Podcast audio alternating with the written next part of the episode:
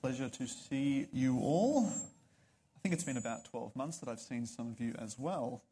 Um, it's been a crazy 12 months, to say the least. Um, certainly for my wife and I, with the addition of our first daughter as well. That has added an extra complication. Yes, thank you. I have to say, one of the things that I've actually found most challenging as a new father, and I, I think I'm in good company in saying this with everyone here, um, particularly the parents, it's that scenario when it's 3 a.m. You are tired, you are exhausted, and the child is still screaming. Not for any particular reason. Everything has been checked and double checked. She's well fed. Her nappy has been changed. She has been burped multiple times. She's warm. She's been cuddled. Everything has been done, but she's just still restless. She's still screaming, not going to sleep. But then eventually, after hours of rocking, she finally settles. You gently lean over the cot, place her down, very, very gently remove your hands, not wanting to stir the baby. Yep, you got the hands away, good. Then you do that awkward step over the creaking floorboard, make your way around the bed, hop into bed, and you think, yes, finally, sleep. And then the baby starts screaming, and it's back to square one. In many ways, today's section of Jeremiah resembles that moment where everything falls apart again. Uh, if you've been tracking your way through Jeremiah, it has been all tear down, destruction, uprooting, and overthrowing. It's pretty glum. There's been very little building and planting, as was promised at the beginning of Jeremiah. Now, for you guys, I don't think you have seen any of the building up yet. Um, but it is in the section immediately prior to the one we are looking at this morning, uh, in chapters 30 to 33, where there is the hope of restoration, there's the hope of a new covenant, but then, as you're reading through the text and you get to chapter 34, you're suddenly snapped back into reality, and it is all doom and gloom again. More tearing down, more uprooting, more destruction. But as they say, the way up is actually the way down. It is important that we rest in that gloom in the horrors of sin. Because, friends, it is only in understanding the very depths and blackness of sin that we can actually understand how glorious the grace in our Lord Jesus actually is. If there is no doom and gloom, the sun doesn't look very bright. And so it is important that we rest in that sin and examine it carefully and examine ourselves even more carefully. Uh, if you have your Bibles, please keep them open. If you have your devices with your Bible apps, please keep them open. Uh, please also close all of the other apps that I know distract. I am guilty of that as much as everyone else. Uh, we will be referring to the Bible a fair bit, so please keep that open. Uh, but let us pray as we come to God's word, because we are going to need his help. Uh, Lord Jesus, we thank you that you give us your word. Uh, we thank you that we can have it so freely read and preached. Lord, we pray that you would be with us. Give us eyes to see, ears to hear, and hearts that are soft to hear you Lord, we pray that we wouldn't simply become smarter sinners, but that we would be men and women shaped more and more like the Lord Jesus. And it is for his sake that we pray. Amen. Uh, now, the prophet Jeremiah, throughout these chapters, presents to us a series of different stories. Uh, they are set in the reigns of Jehoiakim and Zedekiah, respectively, and it also includes the fall of Jerusalem in the mix. Now, through these stories, Jeremiah is seeking to paint a picture of what sin looks like. Uh, and he's going to show us three things in particular that we're going to be drawing from these chapters. Uh, first, he paints a portrait of sin. Uh, he seeks to show us what is the heart of sin. What does it look like? The second thing he shows us is the consequences of what happens when we sin. And then finally, scattered throughout these chapters, we also see glimpses of the solution to sin. Uh, we will be focusing our attention particularly on chapter 36 that was read, but we will be referring to the entire section that we are looking at, which comprises of chapters 34 all the way through to 45. Uh, so let us begin in chapter 36. So Jeremiah presents to us a story that paints sin in all of its ugliness. Uh, the story begins in verse 1 of chapter 36 in the fourth year of Jehoiakim, son of Josiah, king of Judah. And Jeremiah receives a word from God. Uh, verse 2 Take a scroll and write on it all the words I have spoken to you concerning Israel, Judah, and all the nations from the time I began speaking to you. And then, so in verse 4, Jeremiah dictates the words of God that he's given to Baruch, the scribe, and he writes all of them down. Now, as best as we can work out, and most scholars are fairly in agreement on this, what gets written down is essentially Jeremiah's Jeremiah chapter 1 through to 25. So we're talking a fair chunk of text. This isn't just a small message, this is quite a lengthy endeavor that they embark on. And then we're told at this time that Jeremiah, for whatever reason, is restricted. He cannot go to the temple, in verse 5, we're told.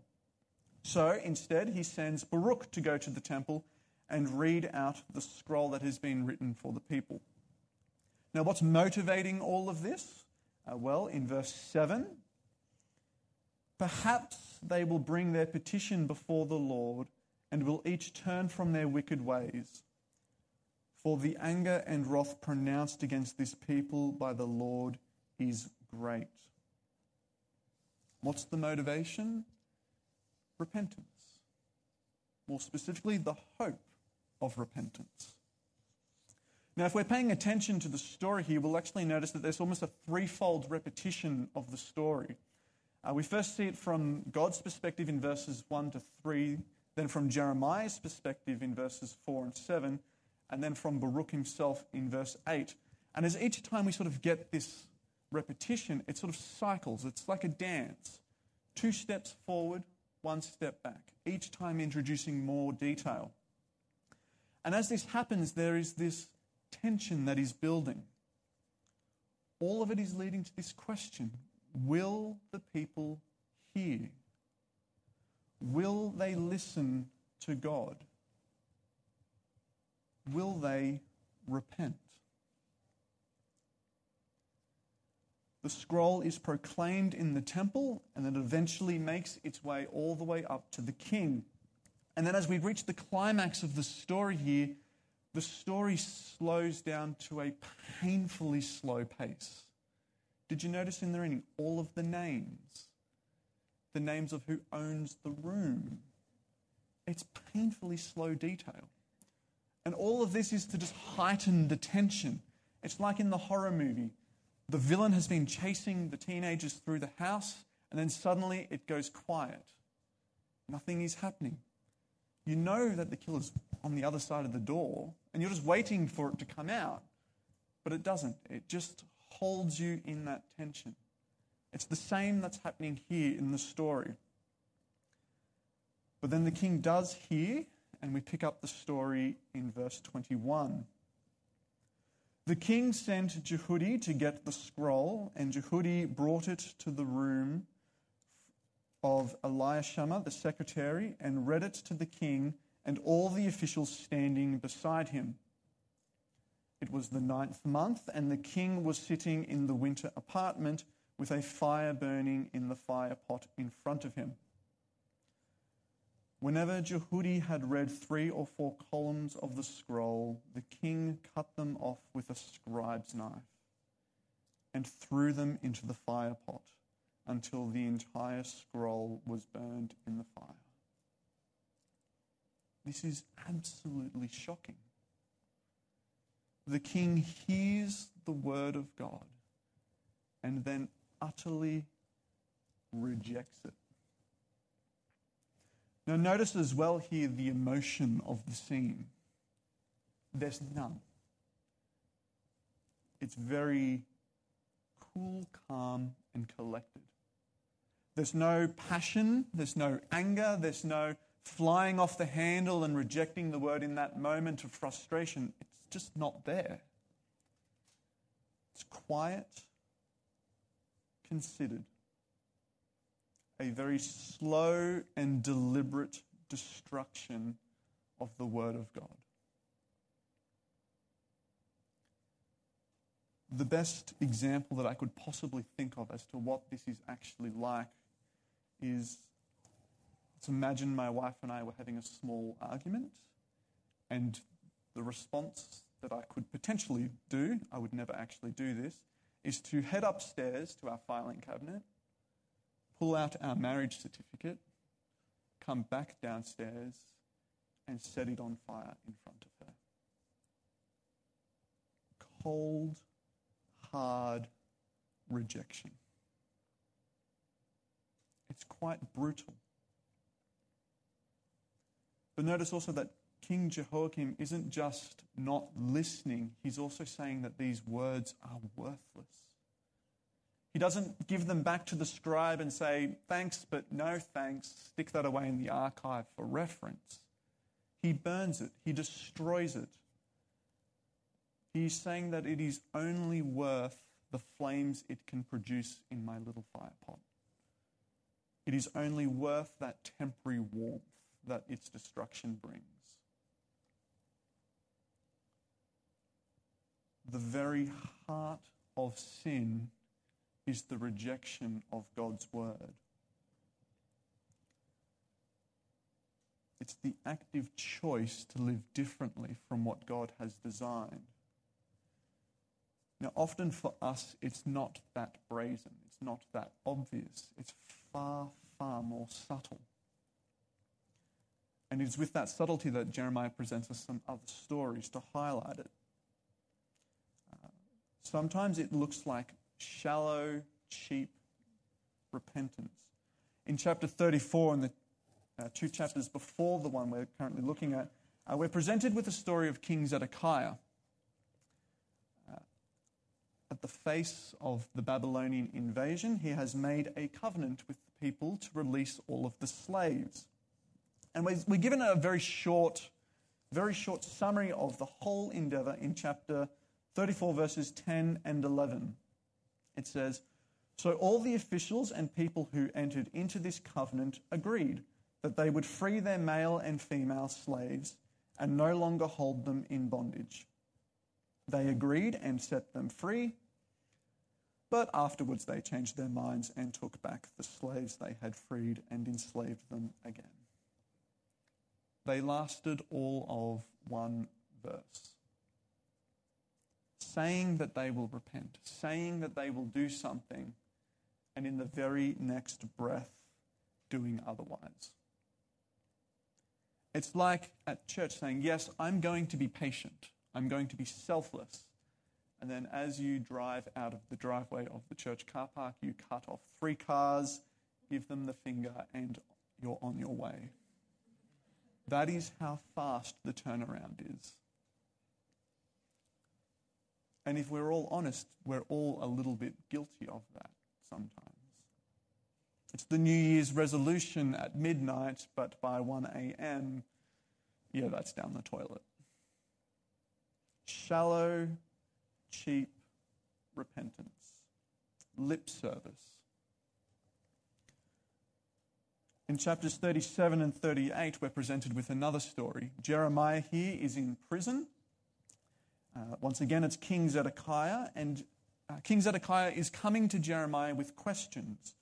The Babylonians are on the doorstep. What should I do? What is your advice, Jeremiah? What is the word of the Lord in this situation?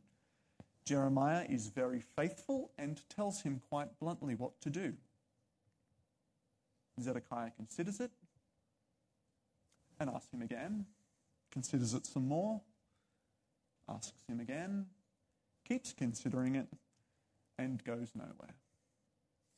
And I think for us, that is more accurate to what we do. We know what the Bible says, we know what God's Word says. We discuss it in life groups. We can discuss it from many different perspectives. We have books about it on our bookshelves. We will pray about it. We will ask people's advice on it, yet we will do nothing.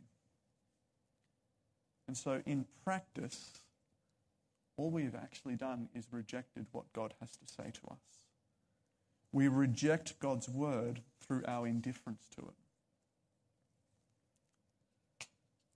The heart of sin is rejecting God's word. And then the second thing that Jeremiah seeks to show us is the consequences of rejecting God's word. And here the story moves forward to present to us the destruction of Jerusalem in chapter 39. Judgment comes swift and brutal. King Zedekiah, he's captured. The last thing that he sees before having his eyes poked out is his sons and his nobles killed. It's horrifying. The royal palace is burnt down in verse 8, along with all of the houses of the people. The walls are destroyed, and the people are carried off to Babylon. Only the very, very poorest of the land are left.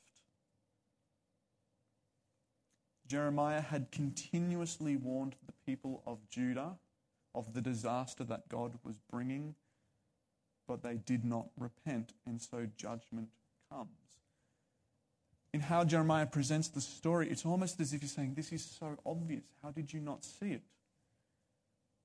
Jeremiah presents to us one of the Babylonian guards. And this is not an Israelite. This is not someone from God's family. This is the enemy speaking. And the Babylonian guard sees everything as it really is chapter 40, verse 2. Listen to what the guard has to say. When the commander of the guard found Jeremiah, he said to him, The Lord your God decreed this disaster for this place, and now the Lord has brought it about. He has done just as he said he would.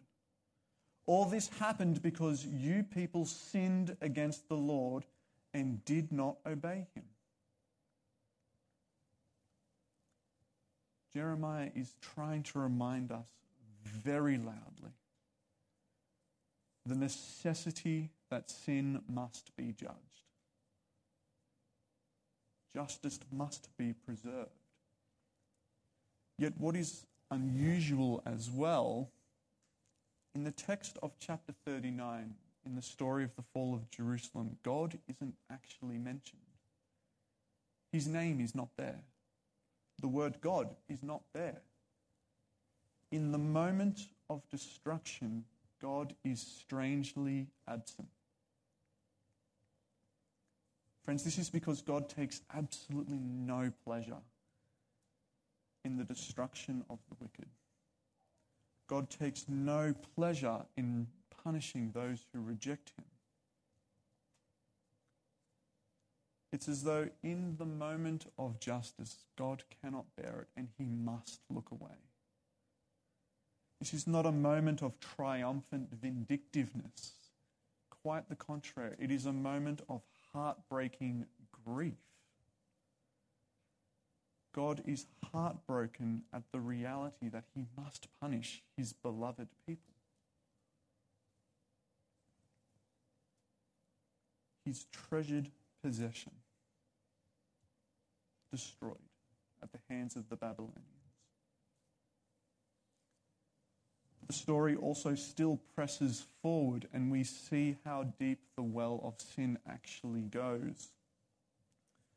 Uh, in chapter 40, we meet a man by the name of Gedaliah. He is appointed governor over what is left of Judah. And things actually look promising. Uh, by all accounts, Gedaliah is a quite an upright, standing citizen. And so things look promising for what's left of Judah. Uh, we hear from Gedaliah himself in verse 10 of chapter 4, uh, verse 10 of chapter 40. I myself will stay at Mizpah to represent you before the Babylonians who come to us. But you are to harvest the wine, summer fruit, and olive oil, and put them in your storage jars and live in the towns you have taken over. Things are looking relatively good. We've got someone who is going to take their governing role seriously. He's commended the people to their harvests. Society looks to be getting back to normal. But despite the best efforts of man, the deceptiveness of sin remains. It will always find a way to infiltrate and destroy. And so then in chapter 41, verse 2, Ishmael, son of Nethaniah, and the ten men who were with him got up and struck down Gedaliah, son of Achim, the son of Shaphan, with the sword. And then if we continue following the story, what follows can only be, be described as a bloodbath slaughter, spiraling out of control. What was birthed in sin gives birth to simply more sin. Despite man's best efforts, despite the best of intentions, it's not going to work. When we are left to our own devices, it will only end in sin. And as one sin comes, another will follow. Think in the home. What starts out as just a thoughtless comment turns into a more hurtful jab in return, then an even more hurtful jab in return, back and forth back and forth, slowly escalating until the relationship is destroyed. Often this doesn't happen over hours or days, it can be years. Ever so slowly eating away, ever so slowly destroying what is good. But not just that, sin also hardens us to the good things that God has given in the aftermath of the assassination of Gedaliah and the subsequent slaughter of all of the people, uh, in chapter 42, the people come to Jeremiah saying, What should we do? What is God's answer for this situation? Should we leave the land? Should we stay? What should we do? Jeremiah is faithful and responds to them stay in the land. Stay here and submit to the Babylonians. But despite this, the people had already made their choice. Chapter 43, verse 7 So they entered Egypt in disobedience to the Lord and went as far as Tahpanhes. And then the last that we hear from the people of Israel themselves is them persisting in their rejection of the Word of God. 44, verses 16 and 17, the people say to Jeremiah, We will not listen to the message you have spoken to us in the name of the Lord. We will certainly do everything we said we would. We will burn incense to the Queen of Heaven and will pour out drink offerings to her just as we and our ancestors, our kings and our officials did in the towns of Judah and in the streets of Jerusalem. Persistent rejection of the word of God. And they have hardened themselves to the good things, the good land that God had given them. There's a tragic poetry to this. It's the Exodus story backwards in the Exodus, God rescues his people from slavery in Egypt and brings them into the land so that they might be his people in his land under his rule. But the people reject his rule. And so they reject the land and go back to Egypt. And so they have forfeited their right to be called the people of God. it is tragic and depressing.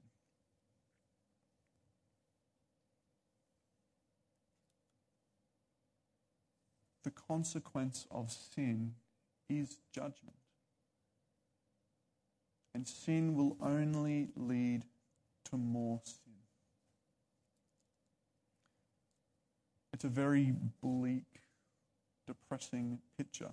But, friends, it is amongst such persistent sin that we actually see God's incredible grace.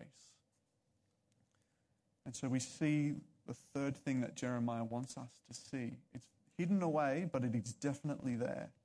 Come back with me to chapter 36 and the story of Baruch and the burning of the scroll. Now, we have already heard that the heart of sin is uh, the rejection of the word of God. Um, and we see the consequences also coming out uh, in verse 30. So we're back in chapter 30, uh, 36, verse 30. This is what the Lord says about Jehoiakim, king of Judah. He will have no one to sit on the throne of David. His body will be thrown out and exposed to the heat by day and the frost by night.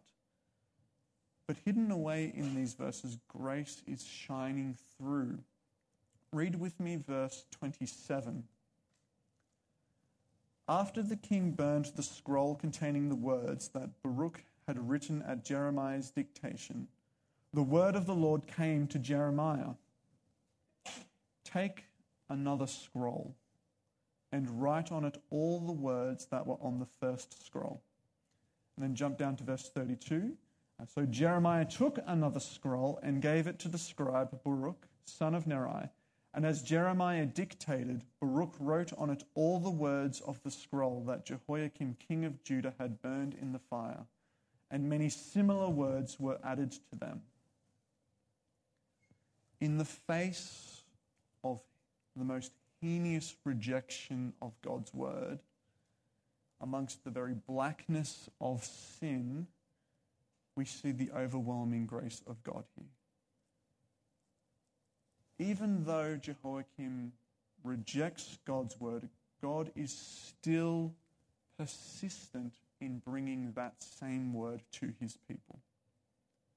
He will not go quietly. No matter how much the people reject God, he still calls after them. He's like a parent waiting for that wayward child to settle down and come home. The spouse waiting for their husband or wife to come back after they have been separated. God will not give up on his people. Despite all of the sin, God will not give up his end of the bargain. He will not give up on the covenant. And if we ever doubted that after centuries of God's people rejecting his word, God himself comes as that word. God Himself shows up to the party, pleading with His people to come back. God, who is so perfect, so holy, sin cannot even come remotely close to His presence, chooses to enter into a very sinful, broken world to bring His word. The God who is so majestic and glorious beyond anything that we can comprehend chooses to come and live a life of poverty so that we might hear the word of God. The God who is so powerful that the entire cosmos,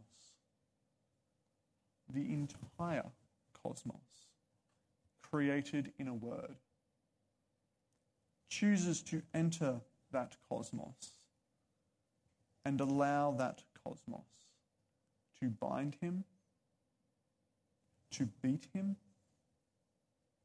to break him, all so that his people might hear the word of God.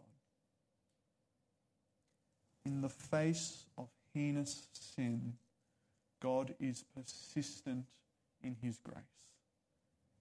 He will not let them go.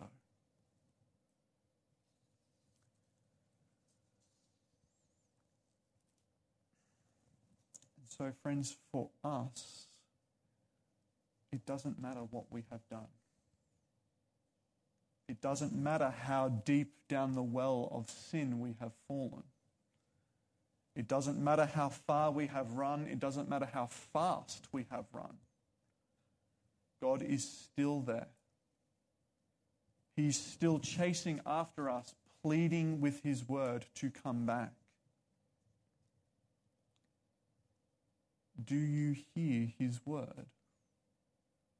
Do you hear the Lord Jesus calling your name? The heart of sin is rejecting the word of God. It demands a consequence in judgment. But God will not give up.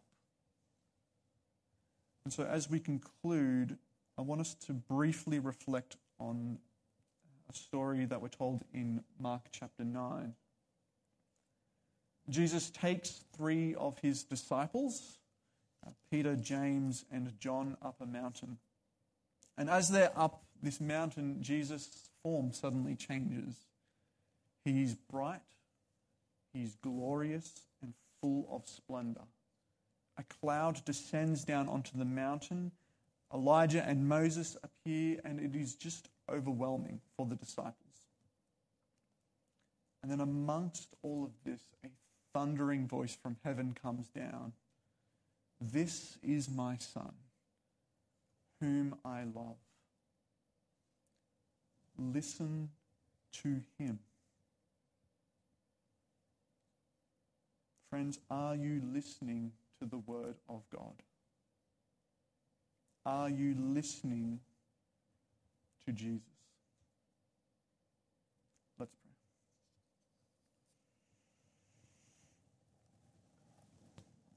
pray. Our Lord Jesus, we acknowledge that we do not always hear you as we should.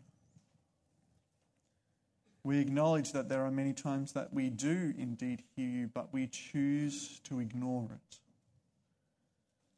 Lord, we are sorry. Forgive us. Lord, we thank you that despite our persistence in our sin, you are more persistent in your grace. Lord, we thank you that it is you who comes after us because we cannot do it alone. And so, Lord, we give you thanks and praise for your death and resurrection. We give you thanks and praise that you took the consequences for us and that you have given us your Spirit so that we might hear your word, that we might believe it, that we might repent and seek the grace that is in the cross. And Lord, we pray this that we might be men and women that would live in your presence, that would shine your character to a watching world that de- so desperately needs it. And Lord, we pray this that you might be honored and glorified. Amen.